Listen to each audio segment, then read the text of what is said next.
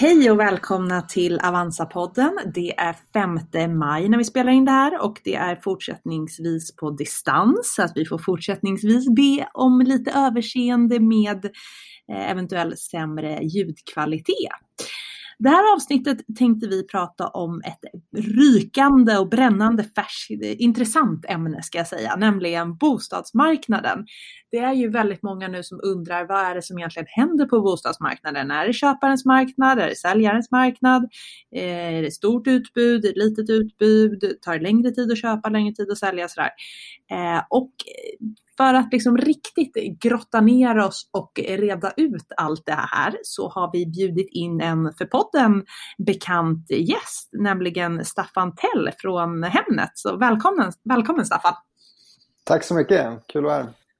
Jättekul att ha dig här. Jag funderar kring det här inför avsnittet att alla har ju en ekonomi att förhålla sig till. Men alla har ju faktiskt även en bostad att förhålla sig till, för man behöver ju tak över huvudet. Alla äger vi inte våran bostad, vissa äger och, och vissa hyr. Men det till trots så behöver vi alla tak över huvudet och, och någonstans är det ju både kanske aktiemarknad och bostadsmarknad som gör att det, vi känner oss antingen rika eller fattiga eller fattigare, eh, eller vad man då ska säga. Så det blir ju väldigt intressant idag att få liksom en liten inblick i hur bostadsmarknaden mår och hur man ska tänka. För som Johanna sa, det här är verkligen rykande färska siffror som har släppts idag när vi spelar in det här eh, poddavsnittet. Staffan, du, du gästade podden 31 september 2018 har jag eh, tagit, tagit reda på här. Mycket har hänt sedan dess. Bland annat har Niklas köpt en lägenhet. Du var i bostadsbytartagen då, säger du i den podden. Jag har nämligen lyssnat igenom den igen. Eh, men för, dig, för de som inte har gått tillbaka och lyssnat igenom den här podden för, för, för nästan två år sedan, eller som helt enkelt aldrig har lyssnat på den. Vad gör du på Hemnet? Jag är eh, PR-chef och talesperson. Eh, och det jag gör är, jag pratar med journalister väldigt mycket. Eh, jag studerar data över hur bostadsmarknaden utvecklas och försöker dra analyser och insikter utifrån det då, som vi kan dela med, med omvärlden. Jag är med i sådana här poddar och annat roligt. Det låter jättebra. I de här äh, coronatiderna så är jag också lite nyfiken kring hur ni på Hemnet jobbar. Hur många är ni och ehm, är det några alls på kontoret idag? Eh, det är no no några få, de allra flesta jobbar hemifrån. Eh, och eh, vi ställde om snabbt och eh, eh det gick, ja, överraskande vet jag inte, men det gick, gick väldigt, väldigt bra. Eh, vi, vi är ett företag som är väldigt vana vid att jobba via digitala kanaler eh, av olika slag eh, och, och i teams som är väldigt självgående. Eh, och det finns också en, en, kultur med väldigt mycket engagemang och mycket eh, att, att, ta eget ansvar och så vidare. Så det har funkat väldigt smidigt. Sen är det ju en, en väldigt svår situation som påverkar samhället, så, så med all respekt för det. Men, men för oss som företag så har det eh, rullat på eh, väldigt smidigt. Men, men, jag måste bara fråga här, förutom nu corona och liksom all den tragiken, men det är ju väldigt, eh, som jag sa här i början, att det är ju aktiemarknad och, eller finansmarknad kanske då, och bostadsmarknad som gör att vi känner oss lite mer rika eller lite mer fattiga, kanske spenderar och unnar oss saker eller håller igen lite grann. Tycker ni att det är en spännande period vi går igenom i och med att det händer lite grejer just nu, förutom då liksom det, det tragiska här med corona. Men, men är det lite mer spännande när det händer eh, saker på marknaden? Tycker ni att det är, eh, ja, men att det är lite roligare nu helt enkelt? Alltså det är, det är väldigt intressant att eh, analysera datan och den, den förändras ju och den, den här situationen gör det ju mycket mer utmanande att, att eh, läsa av marknaden därför att eh, datan förändras väldigt mycket vecka för vecka och det kan gå liksom upp ena veckan och ner eh, andra veckan. Så att ur det perspektivet så är det ju intressant och, och perioden påminner på många sätt om den vi såg hösten eh, 2017.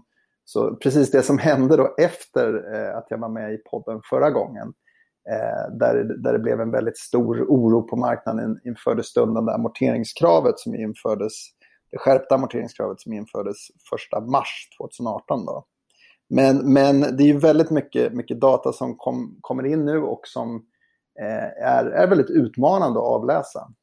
Mm. Vad, innan vi liksom går in eh, mer i detalj på, på datan. Sist du gästade oss, då sa du att ni hade 3 miljoner besökare per dag ungefär, unika. Det, stämmer det fortfarande?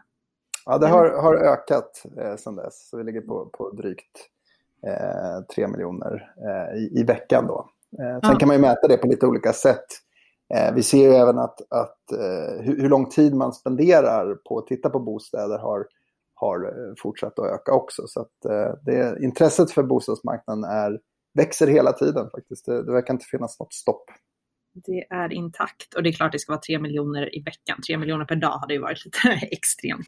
Okej, okay, alltså, vi har ett knark här som, som, som aldrig förr. Men vad, innan vi går in i detalj då, då vad, vad, hur skulle du säga, hur är liksom känslan på bostadsmarknaden just nu? Varmt, kallt, mittemellan, fågel... Ah. Fågel, fisk eller mittemellan. Där, där, det höll vi alla på med när vi var små. Nostalgiskt Johanna. Mm. Precis. Nej, men vi, vi, eh, vi mäter ju bostadsköparnas prisförväntningar varje månad i, i eh, det som vi kallar för Hemnets köparbarometer. Och då, där ser vi en väldigt kraftig förändring.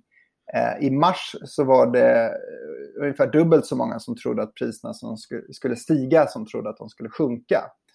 Eh, och så, så, gjorde vi en extrainsatt undersökning i mitten av mars för att det, det blev så väldigt oroligt i omvärlden och på börserna och så vidare. Eh, och då var vi uppe på 45 procent helt plötsligt som trodde att, att priserna skulle sjunka. Eh, sen när vi gjorde den här undersökningen i april, då var det hela 56 procent, så det, oron fortsatte att eh, växa. Eh, nu så har vi sett de senaste två undersökningarna vi gjort i, i mitten på, på april och nu precis rykande färsk här i början på maj så har eh, oron minskat något. Så vi ligger på 52 procent som tror på, på sjunkande priser här i, i den senaste undersökningen. Så att en viss stabilisering men fortfarande på historiskt väldigt höga eh, nivåer för, för de som tror på sjunkande priser. Då. Hur, mycket, hur ledande brukar den indikatorn vara? Är det så att historiskt när den här andelen som tror på sjunkande priser har stigit kraftigt, har det de facto mynnat ut i sjunkande priser då också? Generellt så finns det ett, ett ganska tydligt samband mellan vad folk tror om priserna och hur de eh, utvecklas. Sen kan man väl säga i den här situationen så har det varit ganska extremt och det har man ju sett även på, på börsen att, att det har varit väldigt stor oro. Eh, jag skulle säga att det, det finns ju inte en, ett direkt samband i storlek mellan oron och hur mycket priserna sjunker därför att eh, det, det bygger också på att, att säljarna faktiskt säljer sina bostäder. Så att det, bostäder är ju inte lika likvida som, som aktier på det viset. Eh, och människor flyttar eh, av ungefär samma skäl över tid. Så att det blir inte, det blir inte nedställd på 30-40 procent som det kan bli på börsen på väldigt kort tid. Så där, där skiljer sig bostadsmarknaden ganska tydligt mot, eh, mot just börsen. Men jag tänker så här, börsen, det är klart att där är det många som, vilket vi ser då när börsen faller kraftigt, så är det många som tror på att börsen ska fortsätta falla.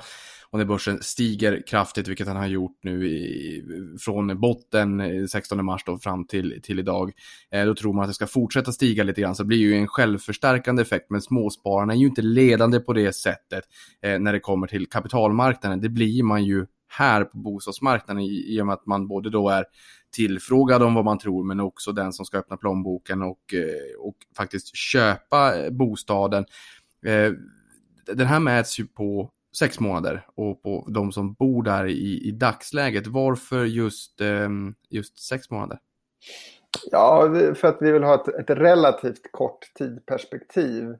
Eh, därför att på, på, längre sikt så blir det ju väldigt svårt att, att gissa och spekulera i hur man tror att, att priserna eh, kommer att röra sig. Så därför vill vi ha ett lite, lite kortare tidperspektiv. Det låter ju rimligt, men för de då som tänker att det är lite läskigt när när man ser att bostadsmarknaden sjunker, speciellt om man då är inne i bostadsmarknaden. Eh, kanske mindre jobbigt för de som ska byta upp sig över tid som är liksom i en in bostadsbyggarfas i livet.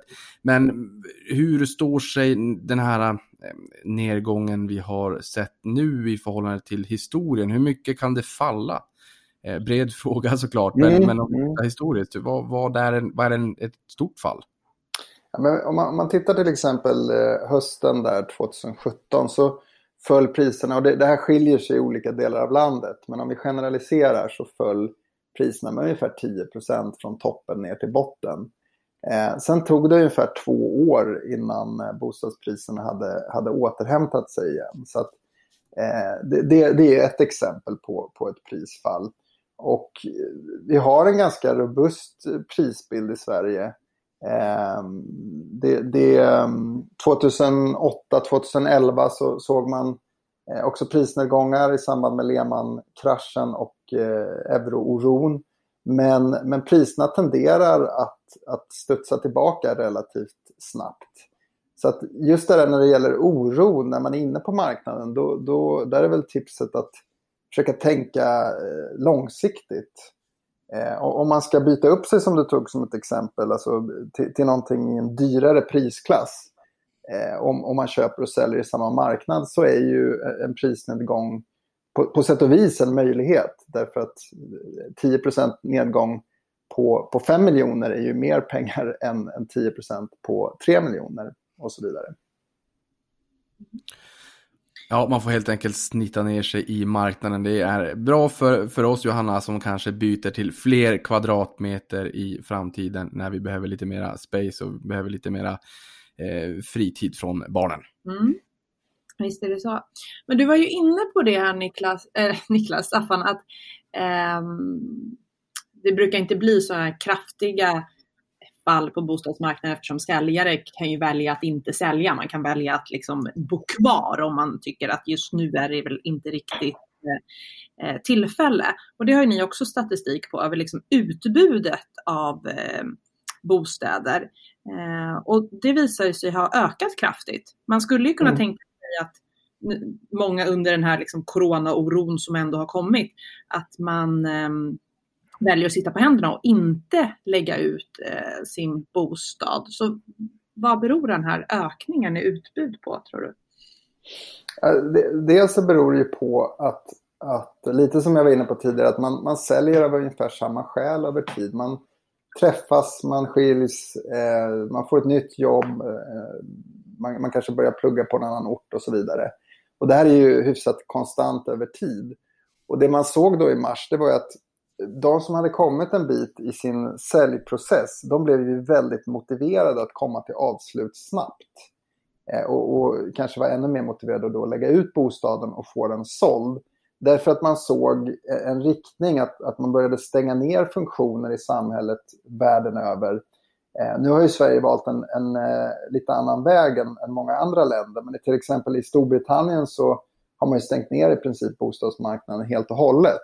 Så att då, om det var så att man kanske hade köpt en bostad och, och, och verkligen kände att nu, nu måste jag sälja så, så eh, var man väldigt motiverad att, att komma till avslut helt enkelt. Så det, det kan nog vara förklaringen till att det kom ut exceptionellt mycket bostäder där under några veckor eh, i, i mars. Och man kom också till avslut, alltså det var inte bara det att det, man lyckades seal the deal så att säga. Ja, många, många gjorde det och eh, det kom ju ut siffror igår från eh, Fastighetsbyrån som för, för april som också var en, en, en bra marknad, särskilt för, för villor. Då. Så att det har varit höga säljvolymer generellt. Eh, så, så köpare, jag menar, även köparna har väl kanske då varit motiverade att, att eh, byta sitt boende och liksom komma, komma till avslut. Men då tolkar jag det som att det ändå säljs, det ändå omsätts en del. För att vi har funderat lite grann kring om det var fler objekt på marknaden som var den stora förklaringsfaktorn. Eller om det är så att objekten ligger ute lite längre än vad de har gjort eh, tidigare. Men eh, då tolkar vi det som att det är helt enkelt eh, fler objekt snarare än att de ligger längre. Ja, alltså det, det, har kommit ut, det är en kombination av att det har kommit ut ganska mycket nya bostäder på marknaden. Och sen så hade vi en, en period, eh, ja, vecka 13, 14, 15, 16 där det säl, såldes eh, mindre. Eh, men nu om man tittar på förra veckan faktiskt så, så eh, kom det ut färre igen och, och såldes mer. Så att, eh, jag vet inte om det är ett trendbrott. Men då ser man ju direkt hur det påverkar utbudet. Så från att det har, har ökat ganska kraftigt och ligger på, på eh, rekordhöga nivåer så ligger vi nu på ungefär samma nivå som vi gjorde vid den här tiden för ett år sedan på riket. Så att vi får väl se lite framöver här om, om det fortsätter att, att, att säljas hyggligt mycket och, och, det kommer ut mindre, då kommer ju utbudet sannolikt att, att eh, minska. Men det är ju lite skillnad beroende på vart i landet man tittar. I den statistiken som ni släppte här på, på morgonen då så ser vi ju att det ökade 1% i riket men eh, 13% i Skåne. Varför, varför vill alla skåningar flytta helt plötsligt? Ja, det är svårt, svårt att, att dra slutsatser sådär exakt på, på när man bryter ner det på på lägre nivåer. Man, man, kan väl säga att i, i Stockholm så har väl kanske oron varit eh, lite, lite större.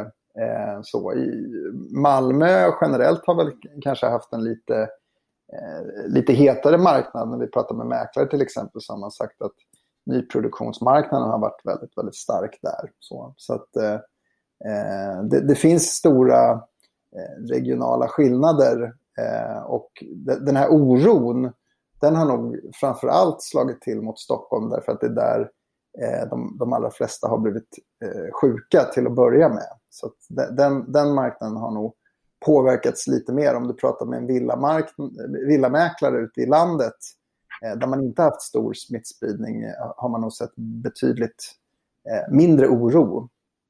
Mm.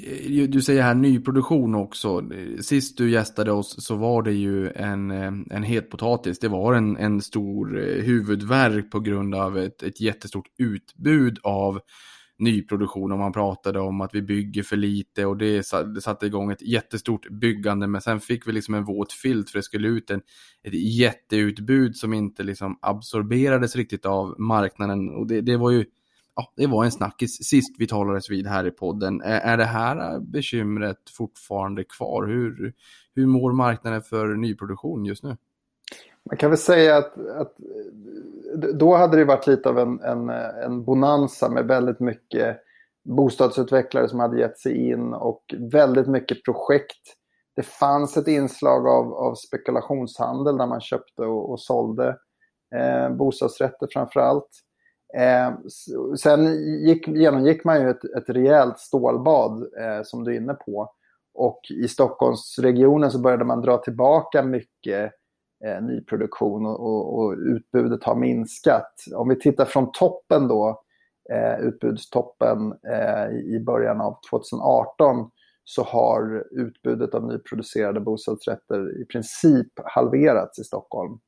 Eh, på riket är det ner, eh, ligger det på minus 23 procent. Så att det är en, en tydlig minskning. Eh. Mm. Jag tänkte gå tillbaka lite här till, eh, inte utbudet, men om man tittar på antal faktiska affärer. Om man kikar i den här rapporten som jag fått från er så ser det ut som att förändringen i säljvolym, det gissar jag är antal um, affärer som har gjorts på bostadsrätter, mm. ser ut att ha sjunkit ganska kraftigt på många, på många håll i landet, förutom lite outliers här, Gotland plus 31 procent och så. Men överlag ser det ut som att det är minus i de större städerna, minus 10 i Stockholm, eh, minus 8 i Västra Götaland och så. Men det är en motsatt utveckling på villamarknaden. Där har säljvolymen ökat på de flesta håll i landet. Eh, kan man tolka det som att det har blivit en ökad eh, efterfrågan på, på att ha en trädgård? Eller? Precis. Och det man ska säga om de här siffrorna det, det är att de är då vecka 13 till 17. Eh, ja. Så det är liksom en, en hyfsat aktuell tidperiod som fångar in den här perioden när, när oron, från det att oron slog till då i princip i mitten på mars. Eh, men det är helt korrekt att, att bostadsrättsmarknaden och villamarknaden skiljer sig väldigt mycket åt just nu. Och, och, som du är inne på så är det en, en tydlig nedgång eh, under den här perioden i alla fall för, för bostadsrätter samtidigt som det är en tydlig uppgång på, på villamarknaden. Och det där det är ju svårt att veta exakt vad det innebär.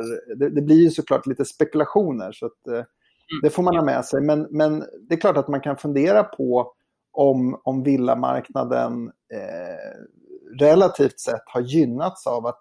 Men om man tänker, vad är, vad är så att säga, nackdelen med en villa? Det är ju ofta att den kanske inte ligger i de mest centrala eh, lägena i, i, en stad. De ligger ofta lite utanför och man behöver pendla kanske för att komma till jobbet. Den faktorn är ju så att säga just nu inte en, en, en nackdel. Och sen så har ju människor spenderat väldigt mycket tid i sina hem och kanske funderat och, och har man haft då kanske två vuxna som har jobbat hemma, man kanske haft barn hemma också, eh, så har man kanske funderat lite extra på att man vill ha eh, större helt enkelt. Eh, mm. det, det, är några, några, några spekulationer och gissningar. Högst rimligt tycker jag. Jag sitter ju hemma i en tvåa och känner hur liksom väggarna äter upp mig. Så att, ja, jag är säkert en av dem. Man kan dra en parallell till, till fritidshusmarknaden också, där utbudet just nu är det lägsta som vi har uppmätt sedan vi började föra statistik. Så att, och det kan ju vara då dels att de som, som har fritidshus tänker att men det här ska vi nog behålla och, och många av de som har legat ute har sålts. Så att, eh, det, det är också en möjlig effekt. Också för att eh, det är ju sannolikt betydligt fler som kommer att, att semestra i år på, på hemmaplan. Men är det här en intressant trend tänker jag här med just eh, ett, ett ökat intresse för eh, staycation, semester, hemester och alla de här termerna och allt vad det heter. I och med att vi då uppmanas att faktiskt stanna hemma. Men, men stanna hemma kan ju kanske också innebära att man åker till sitt eget eh, fritidsboende eller blivande fritidsboende om man köper någonting. För då kanske man inte riskerar att, att smitta någon annan. Sen har vi också stängt gränserna. Jag kan tänka mig att vi har många utlänningar som köper eh, fritidshus i Sverige. Men har ni sett en trend här? Jag menar, du säger att utbudet har minskat. Det är många som, som kanske väljer att inte sälja och att det utbud som har funnits har torkat upp lite grann. Men, men är det liksom halvt eh, högkonjunktur för fritidshus? Som, på, som en påverkan då av viruset? Ja, alltså det här är ju li, lite av en längre trend också. För, för utbudet av fritidshus har faktiskt minskat eh, under en längre tid. Och för, för, några år sedan så ändrade man ju på reglerna också för uthyrning av fritidshus. Att man kan få skattefritt upp till eh, 50 000 kronor. Samtidigt så har det skett en, en digital utveckling där det är enklare än någonsin eh, att hyra ut sitt fritidshus. Så att fritidshuset har ju blivit mer attraktivt. Eh, det är också så att de, de flesta fritidshusen i Sverige är ju byggda på 60-70-talet och det byggs inte så mycket fritidshus idag. Eh, så det, det, är lite deflationärt utbud också. Det, det, en del som finns eh, nära storstadsregioner omvandlas kanske till permanentboenden och så vidare. Så att, eh, det, det, är extremt svårt att, att förutspå framtiden och vi är lite försiktiga när det gäller prisutvecklingen. Men, men mycket talar nog för att eh, det kommer att vara en, en, en stor efterfrågan på fritidshus. Men eh, nu säger du ju någonting som är väldigt intressant får man väl säga. Nu är mina känsel spröt här när det kommer till skattefri uthyrning upp till 50 000 kronor. Att man kanske köper ett fritidshus som är någon, några timmar ifrån Stockholm om det är här man bor. Man får lite kontrast, man kan åka iväg lite nu och då samtidigt som man kan hyra ut och få en, en skattefri eh, inkomst upp till den där nivån. Det där var spännande. Det är synd då att utbudet är lite lägre. Jag vill bara också backa bak och kommentera det här med utbudet. Jag vill säga att det är ju Norrbotten som är outlier med plus 24 procent när det kommer till villamarknaden. Jag vill ändå bara betona det som, som norrbottning. Och sen undrar jag på de här lite längre trenderna vi har ju, eh, jag, jag kommer ihåg, jag är 87, jag kommer ihåg när jag gick i skolan, när man började komma upp i 88, Johannas ålder, 89, 90, 91, 92, det var ju enorma kullar, man var tvungen att bygga annex och det bara sprutade ut barn. Eller ja, det var ju 20 år sedan, men nej, inte riktigt, men, men, men, men väldigt många barn. Nu är de här barnen mitt i livet och, och bildar familj kanske och sådär och behöver större. Alltså, innebär det att om man är sugen på att köpa villa, man är mitt i livet, sitter på en bostadsrätt, att man blir relativ förlorare för att alla tänker samma sak? Vi ser ju att volymerna är ganska hyggliga bland villor. Är de alltså inte vinnare hittills? Eh, man kan väl säga generellt att de, de som, som ska in på bostadsmarknaden, om man, om man tittar på de som är så pass unga, de har det ju väldigt tufft generellt på bostadsmarknaden. Eh, och det beror ju dels på att de ofta inte har någon kötid av naturliga skäl till, till en hyresrätt. Eh, och sen har man begränsat med eh, medel för att köpa sin, sin egen bostad. Eh, så det, det, är ju en, en förstagångsköpare är en grupp som har det eh, Eh, väldigt, väldigt tufft till att, att börja med. Om det, om det var svar på din fråga. Ja, men jag tänker de som är liksom mitt i livet som kanske har köpt, äh, bott i hyresrätt eller köpt sin första etta, man kanske har köpt mm. en tvåa, man har flyttat ihop och sådär. Men nu står man i begrepp att man har bott tillsammans ett tag, man har bildat familj, man kanske har fått första barnet, andra mm. barnet som jag har fått sen vi träffades eller talades vid senast i den här podden, då var det faktiskt IRL får man ju också nämna. Ähm, men de kanske vill ta steget nu till att köpa en villa. Mm. För att man är där i livet. Livet AB eh, knackar på helt enkelt. Men då ser vi ju, som du har varit in på här, att eh, villamarknaden har inte alls tagit stryk på samma sätt som bostadsrättsmarknaden. Så att den här, den här enorma kullen av eh, killar och tjejer som är född slutet 80, början 90-tal som vill kanske köpa sin första villa. De drar ju inte liksom, det längsta strået i den här coronakrisen för att det verkar vara ett sånt sug efter villor. Är, är det rätt tolkat? Det kan ju absolut bli, bli ett ökat tryck. Sen så skiljer sig ju de förutsättningarna väldigt mycket åt beroende på var i landet man befinner sig. Eh, för, för, eh, unga människor som, som kanske precis har bildat familj så är ju villamarknaden i, i kranskommunerna till Stockholm extremt svårtillgänglig eftersom det inte sällan kostar 10, 11, 12 miljoner. Så. Eh, sen om man kommer ut i landet då, då kan man ha snittpriser som kanske ligger på 2 miljoner. Och där där är det ju betydligt lättare att, att hitta en bostad. För så mycket skiljer ju inte, även om det finns skillnader i lön så skiljer det inte så mycket mellan en, en polis i, i, på, på den skånska landsbygden jämfört med någon som jobbar eh, i Stockholms närhet. Så. Mm. Sen en, en, annan kommentar till det här med, med vilka effekter vi ser Eh, vi, vi, gjorde en undersökning som jag tycker är extremt intressant, apropå det här med preferenser. Och då har vi frågat eh, hur man, var man letar bostad. Och eh, då ser vi att det är färre nu som söker i samma område som man bor i. Och fler som söker i andra län. Och då, jag vet inte om det är delvis en fritidshuseffekt, men det kan ju vara så också att eh, om man har sökt i, i Stockholms län så kanske man i högre utsträckning eh, söker i, i ett angränsande län om man, man eh, pendlar från eh, Enköping eller vad det nu kan vara. Eh, så det, det, tycker jag är en intressant trend att, att man verkar söka sig lite, lite längre bort från i förhållande till där man bor. Man har tröttnat på sitt hem och så har man insett att det funkar ganska bra att jobba på distans. Ja, men precis. Man har ju verkligen fått uppleva det här under de senaste veckorna. Hur det är med hemmakontor och att, att det funkar, eh, funkar alldeles utmärkt för, för i alla fall för många eh, eh arbetsgrupper. Mm. Ja, så eh, lite, lite färre bostadsaffärer. Eh, man tittar på andra ställen. Ett ökat, en ökad efterfrågan på villor och fritidshus. Finns det några mer effekter som ni har sett här under de här två månaderna som vi ändå har haft corona? Eh, alltså, det, det, här med att det var färre, färre bostadsaffärer, det, det gäller ju framförallt eh, bostadsrätter och under en, en viss tidperiod. Eh, om, man, om man tittar på månadsbasis så eh, april som sagt var, var en helt okej okay månad när det gäller säljvolymer. Men, men det är tydligt under de här veckorna när osäkerheten var, var som störst att, att det hade en påverkan.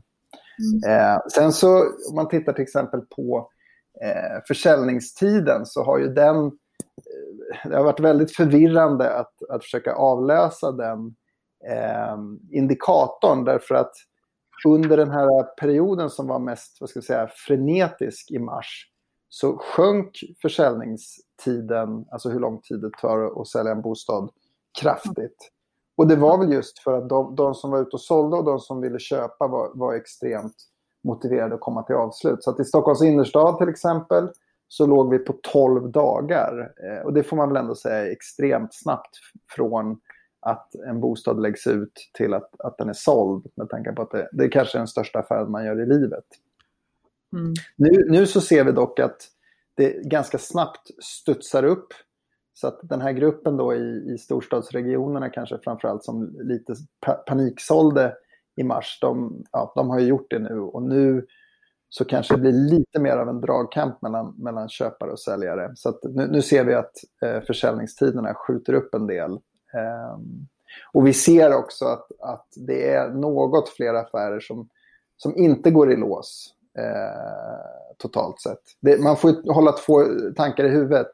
Det, det, det säljs mycket, men det finns, eftersom det är så mycket som har kommit ut så finns det också eh, en hel del affärer som kanske inte går i lås. Då. Så det kommer förmodligen vara en, en relativt hög eh, aktivitet här även i, i maj sannolikt. Lite fler affärer som inte går i lås än vanligt, alltså jämfört med tidigare? Ja, jämfört, med samma, jämfört om man tittar på april till exempel så var det några, några procent fler eh, bostadsaffärer.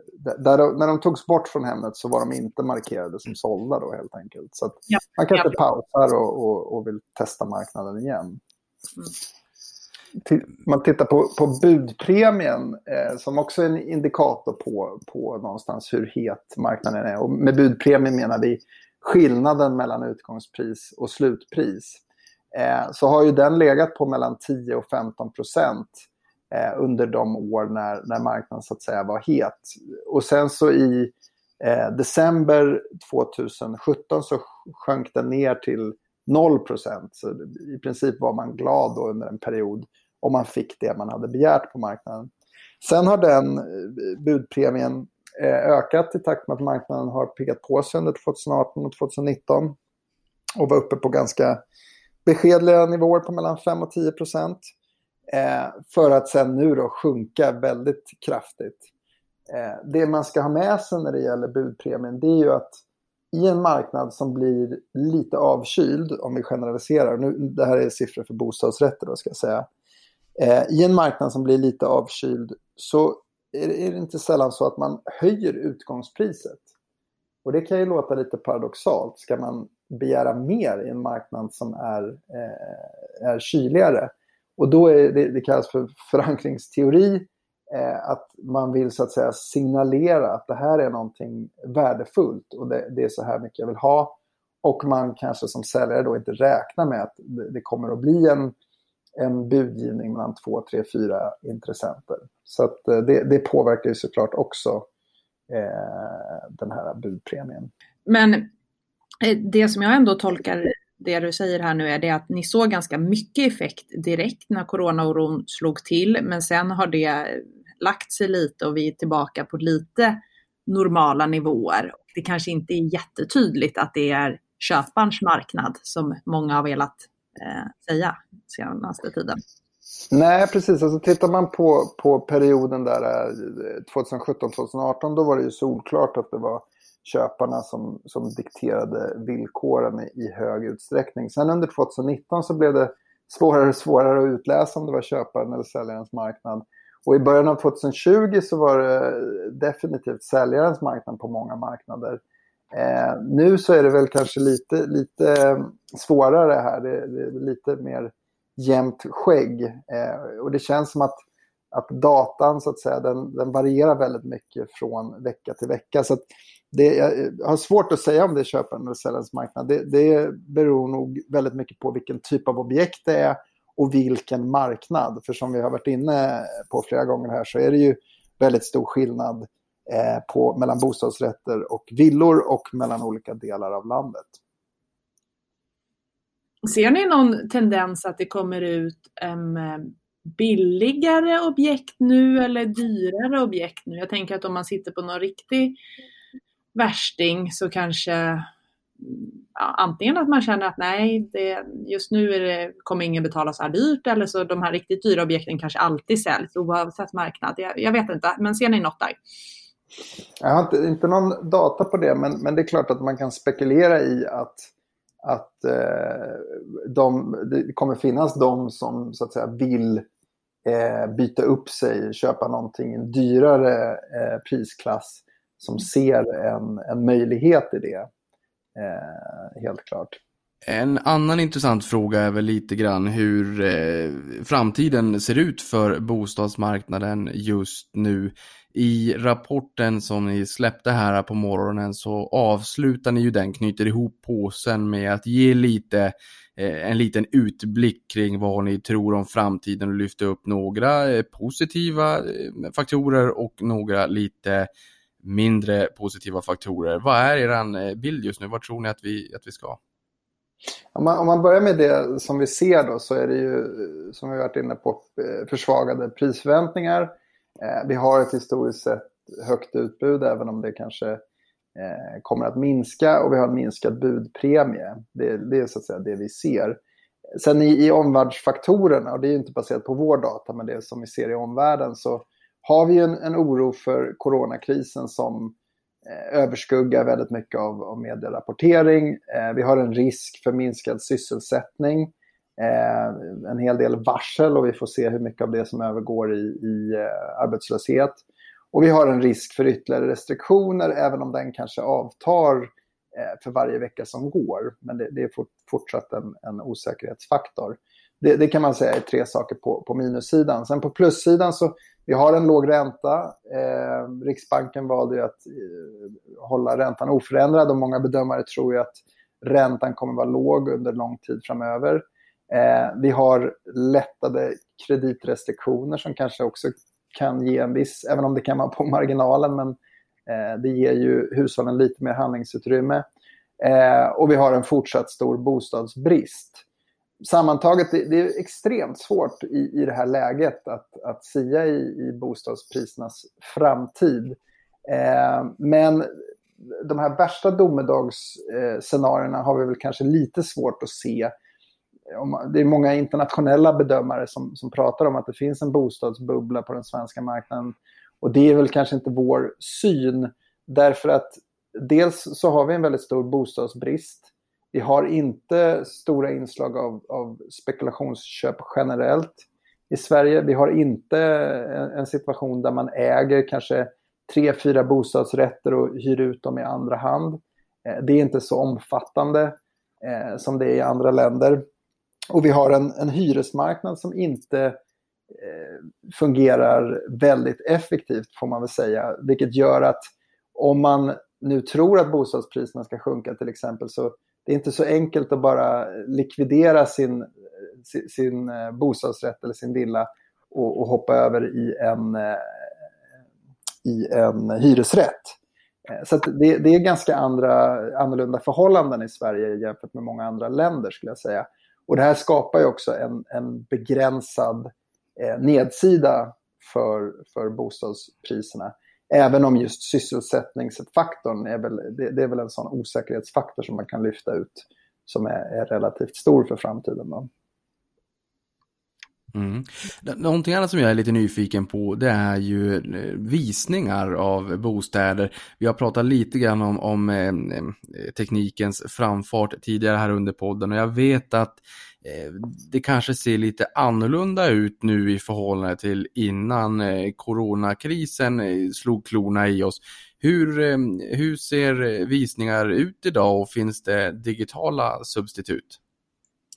Ja, men bostads, fastighetsmäklarna har ju verkligen tagit eh, den här situationen på stort allvar. Och eh, man har, har tagit en, en mängd eh, försiktighetsåtgärder för att, att minska risken för smittspridning. Man har minskat antalet personer som får vara på visning samtidigt. Och man har jobbat väldigt mycket med eh, privata visningar och så vidare för de som har velat ha det. Så det, det, man har tagit situationen på stort allvar. Eh, sen ett annat exempel är att, att eh, vi på Hemnet har utvecklat eh, på, på, under väldigt kort tid eh, Hemnet Live som är livestreamade visningar. Eh, så att man helt enkelt kan ha en, en digital visning där folk kan eh, titta hemifrån eh, om man känner för det. Sen så vill man ju säkerligen eh, komma och titta på bostaden eh, i, i, i, verkliga livet också eftersom man har en, en undersökningsplikt. Men, men det kan ju vara bra, det, det tar ju ganska mycket tid att gå på många visningar. Så att då kan ju det vara ett bra komplement till den fysiska visningen för att bilda sig en uppfattning. Eh, och det ska också bli väldigt intressant att se hur det här används nu under fritidshussäsongen eh, när folk kanske inte kan, kan eh, röra på sig på, på samma sätt som man tittar på en, ett fritidshus i Skåne eller Norrbotten eh, för den delen från, från Stockholm eller Göteborg eller vad det nu kan vara. Mm. Ja, det är tur att du nämnde Norrbotten för den delen. Men jag tänker, mm. är, är det där liksom, är det live? Eller är det liksom att en inspelning som man också kan se i efterhand? Att man som ett eh, smörgåsbord kan förkovra sig i olika fritidshus en, en par, två, tre timmar söder om Stockholm, eh, väster om Stockholm, norr om Stockholm. Nu utgår jag från Stockholm, man kan utgå från var som helst i Sverige självfallet. Men när man inte kan åka som, eh, till höger och vänster och kanske inte bör nu heller. De här digitala visningarna så att säga, är det live eller liksom, kan man se dem i efterhand? Ja, Hemnet, just Hemnet Live har, har varit live och eh, eh, det har också varit en möjlighet då för de som har tittat att, att ställa frågor i en chatt direkt till, till mäklaren. Eh, sen håller vi på att titta på och utveckla nu eh, både eh, videofunktioner och 3D-visningar eh, för att man ska ha ännu, ännu bättre digitala möjligheter att utforska eh, bostäder framåt. Så det, det, har vi väldigt stort fokus på just nu. Hur, ehm, hur, hur många av liksom, de objekt som säljs eh, kommer till Hemnet? Finns det någon sån siffra på andelen? Ja, vi, den senaste siffran som vi har är att drygt 90 procent av de mäklade bostäderna eh, går via hemmet.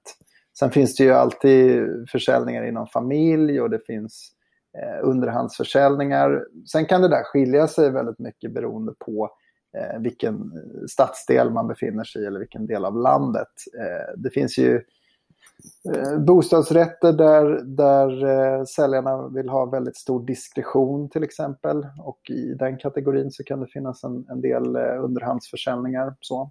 Men liksom vanliga Svensson-tittare som jag, vi kommer åt de allra flesta bostäderna med att scrolla Hemnet från soffan på kvällen. Absolut, det, det gör man. Där ser man. Vi har fått in en hel drös med frågor på både Twitter och på Facebook här. Eh, mm. Så jag tänkte att vi ska ta några av dem eh, som vi inte, en hel del av dem har vi redan varit inne på. Eh, men eh, vi tar de som vi inte har gått in på här under podden. Bland annat Jim undrar, när är det bäst på året att sälja eller köpa? Exempelvis julen måste ju göra en viss inverkan på säljen. Ja, jo. Mm. Men man, man, kan säga att det, det, finns ju väldigt tydlig säsongsvariation för utbudet. Så att på våren och senvåren så är det väldigt mycket som finns ute till salu. Och eh, även efter sommaren, eh, augusti och sen in i, i, september så tenderar det att, att vara väldigt mycket ute till salu. Så att vill man ha mycket att välja på så, så är det eh, tillfällen att, att eh, titta. Sen tror jag inte man kan tänka eller behöver tänka så spekulativt just kring, kring eh, timing för när man köper bostad. Eh, utan det är väl snarare att man utgår ifrån, det, det skulle vara mitt råd eh, generellt, att utgå mer ifrån vilka behov har du och vilka möjligheter har du ekonomiskt. Eh, och, och, utgå ifrån det snarare än att, att man ska göra eh, ett, ett fynd. Därför att man ska ju bo väldigt länge i, i den bostad som, som man hittar. Och köper man och, och säljer man på samma marknad så kanske även kortsiktiga prisfluktuationer eh, på några procent eh, spelar, spelar mindre roll. Det låter väl eh, högst rimligt. köp en bostad, köp ett hem. Ja, men det är lite som ert råd när det gäller investeringar generellt, att det är alltid bra att tänka långsiktigt. Mm. Så, skulle jag säga. Mm. då ska vi se hur spår han marknaden efter den akuta krisen om kanske ett till två år? Kommer vi se påverkade bostadspriser i väldigt många år framöver? Har du någon tanke där? Alltså, det är ju alltid, alltid svårt som sagt att säga priserna men, men om man ska lära sig någonting av, av historiska nedgångar. Eh, vi har pratat om Lehman-kraschen 2008 och eh, eh eurooron 2011 så, så ser man att vi har haft perioder av prisnedgångar men sen har bostadsmarknaden eh, repat sig. Så att det, det, är väl inte osannolikt att det blir så även den här gången, att, att man ser ett, ett nedställ i priserna, lite beroende på var i landet man befinner sig också. Eh, men, men eh, sannolikt så kommer ju priserna eh, återhämta sig. Sen hur lång tid det tar, det, det är väldigt svårt att svara på. Mm. Ska vi se vad vi har mer här. Hur ser försäljningarna ut i förorterna ute i Stockholm? Det var en väldigt snäv fråga. Eh, mm. Den, den, får jag nog återkomma till. återkomma till den. Ja, och vi har också fått en uppmaning här från en annan att vi inte ska vara för Stockholmsfokuserade. Så vi får säga att det är det vi, det är det vi inte är här då. då. Eh, och vi har varit inne på nybyggnation. Har du någon mer fråga Niklas? Ja, men jag är lite nyfiken på om vi då inte ska fokusera på alldeles för mycket Stockholm. Eh, finns det några eh, trender som du ser, lite mer långsiktiga trender någonstans i Sverige där intresset ökar eh, lite mer? oavsett om det är eh, bostadsrätter eller villor, inflyttning eller att man, man ser hemvändare när man bildar familj och sådär. Eller fritidshusmarknaden. Finns det någon bubblare någonstans i Sverige? Någon, någon del av vårt avlånga land? Men jag, jag tror att vi har haft under väldigt många decennier en väldigt stark urbaniseringstrend. Så folk har velat bo i, i städer och man har velat bo centralt och man har velat ha tillgång till ja, men, arbetsmarknad och service och restauranger och så vidare. Och sannolikt så kommer väl, jag menar den här krisen som vi ser nu och smittospridningen kommer väl sannolikt att avta vid någon, vid någon tidpunkt. Och, och då är det ju ganska sannolikt att den här eh, trenden kommer att fortsätta. Det är ju ändå en, en global megatrend där, där städerna passerade landsbygden globalt för, för några år sedan. Eh, men samtidigt så är det klart att vi, vi har ju sett det eh, också en, en, en motsatt trend samtidigt. En grå våg och en grön våg på samma gång.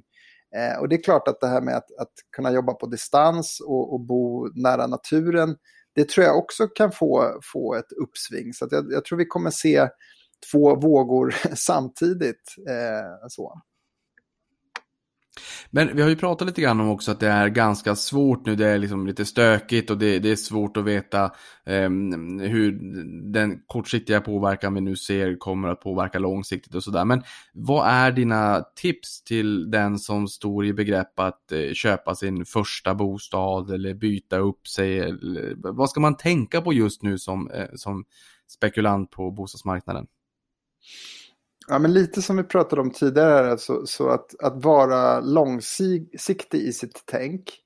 Att utgå ifrån de eh, möjligheter eh, man har och de behov man har.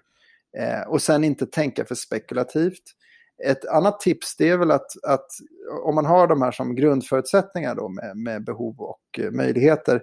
Att när man tittar på en bostad också våga gå på magkänsla. Därför det är så himla många aspekter när man eh, väljer en bostad. Det är ju flera hundra parameter säkert eh, som, man, som man tittar på. Eh, och, och, det är väldigt svårt att göra ett rent rationellt eh, beslut. Det, jag tror att man kanske till och med lurar sig lite själv om man tror att man kan fatta ett, ett helt rationellt beslut. Så att om det är så att den här bostaden, den, den, jag har råd med den eh, och den, den ligger på ett rimligt avstånd till där jag jobbar eller pluggar eller mina vänner och så vidare. Eh, men när man liksom har checkat av de grejerna, gå, hur, hur känns det? Hur skulle det kännas att bo här? Eh, ett år, tre år, fem år. Att, att låta ändå eh, magkänslan styra ganska mycket.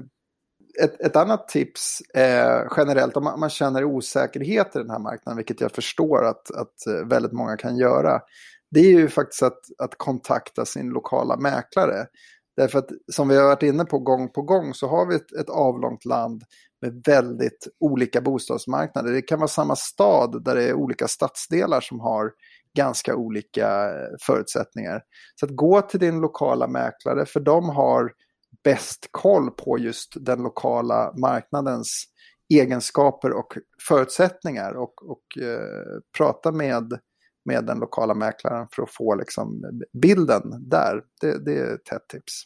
Och då kanske till och med också ta sig tiden att prata med två eller tre av de lokala mäklarna för att få lite olika bilder. Och eh, det kan ju vara så att det är någon man får högre förtroende för än någon annan.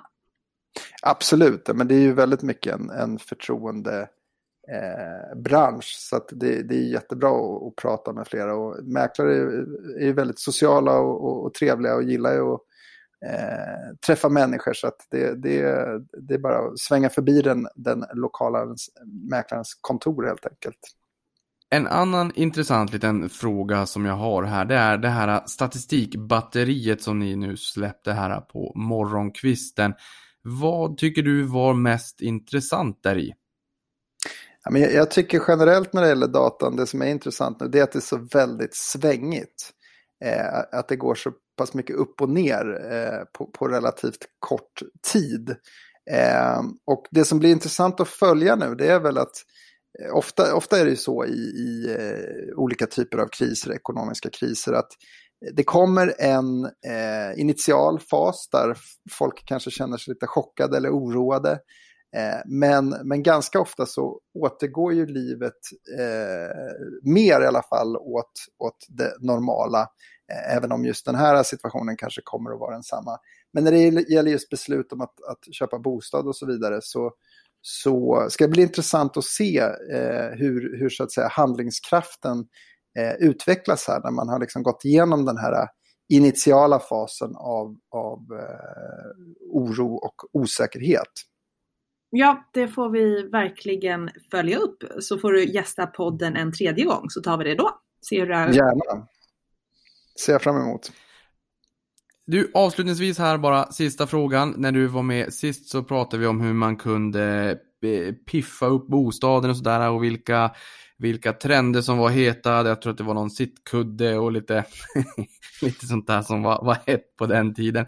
Va, vad är det för trender som du ser eh, just nu? Är det någon kudde eller någon viss spegel eller någon viss blomma som är, som är det heta? Vad finns det för trender? Eh, ja, men det, det, som vi har sagt skulle bli hett då eh, för året eh, var ju eh, färgen grön. Och det säger jag inte bara för att jag kommer från, från Hemnet.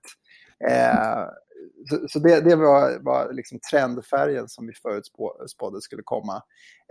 Sen så när man tittar på styling och så, så kanske lite mer vågad mönstermatchning och, och lite mer färger. Vi har ju gått ifrån att, att det ska vara väldigt mycket ljust eh, och fräscht till att, att nu kanske är lite mer liv just i, i bostadsstylingen och även i, i de bilderna man tar. Att, att det är lite mer, eh, jag ska inte säga mörkt och murrigt, men, men eh, eh, inte lika mycket ljust och fräscht kanske.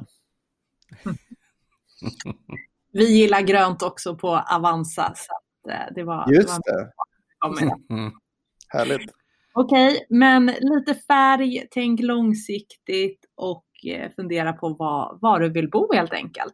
Eh, med de orden så tackar vi dig Staffan och ser fram emot att eh, höras om ett år igen kanske och se vart vi befinner oss då. Det låter bra. Och stort tack för att du lyssnade på det här. Vi hörs igen nästa vecka.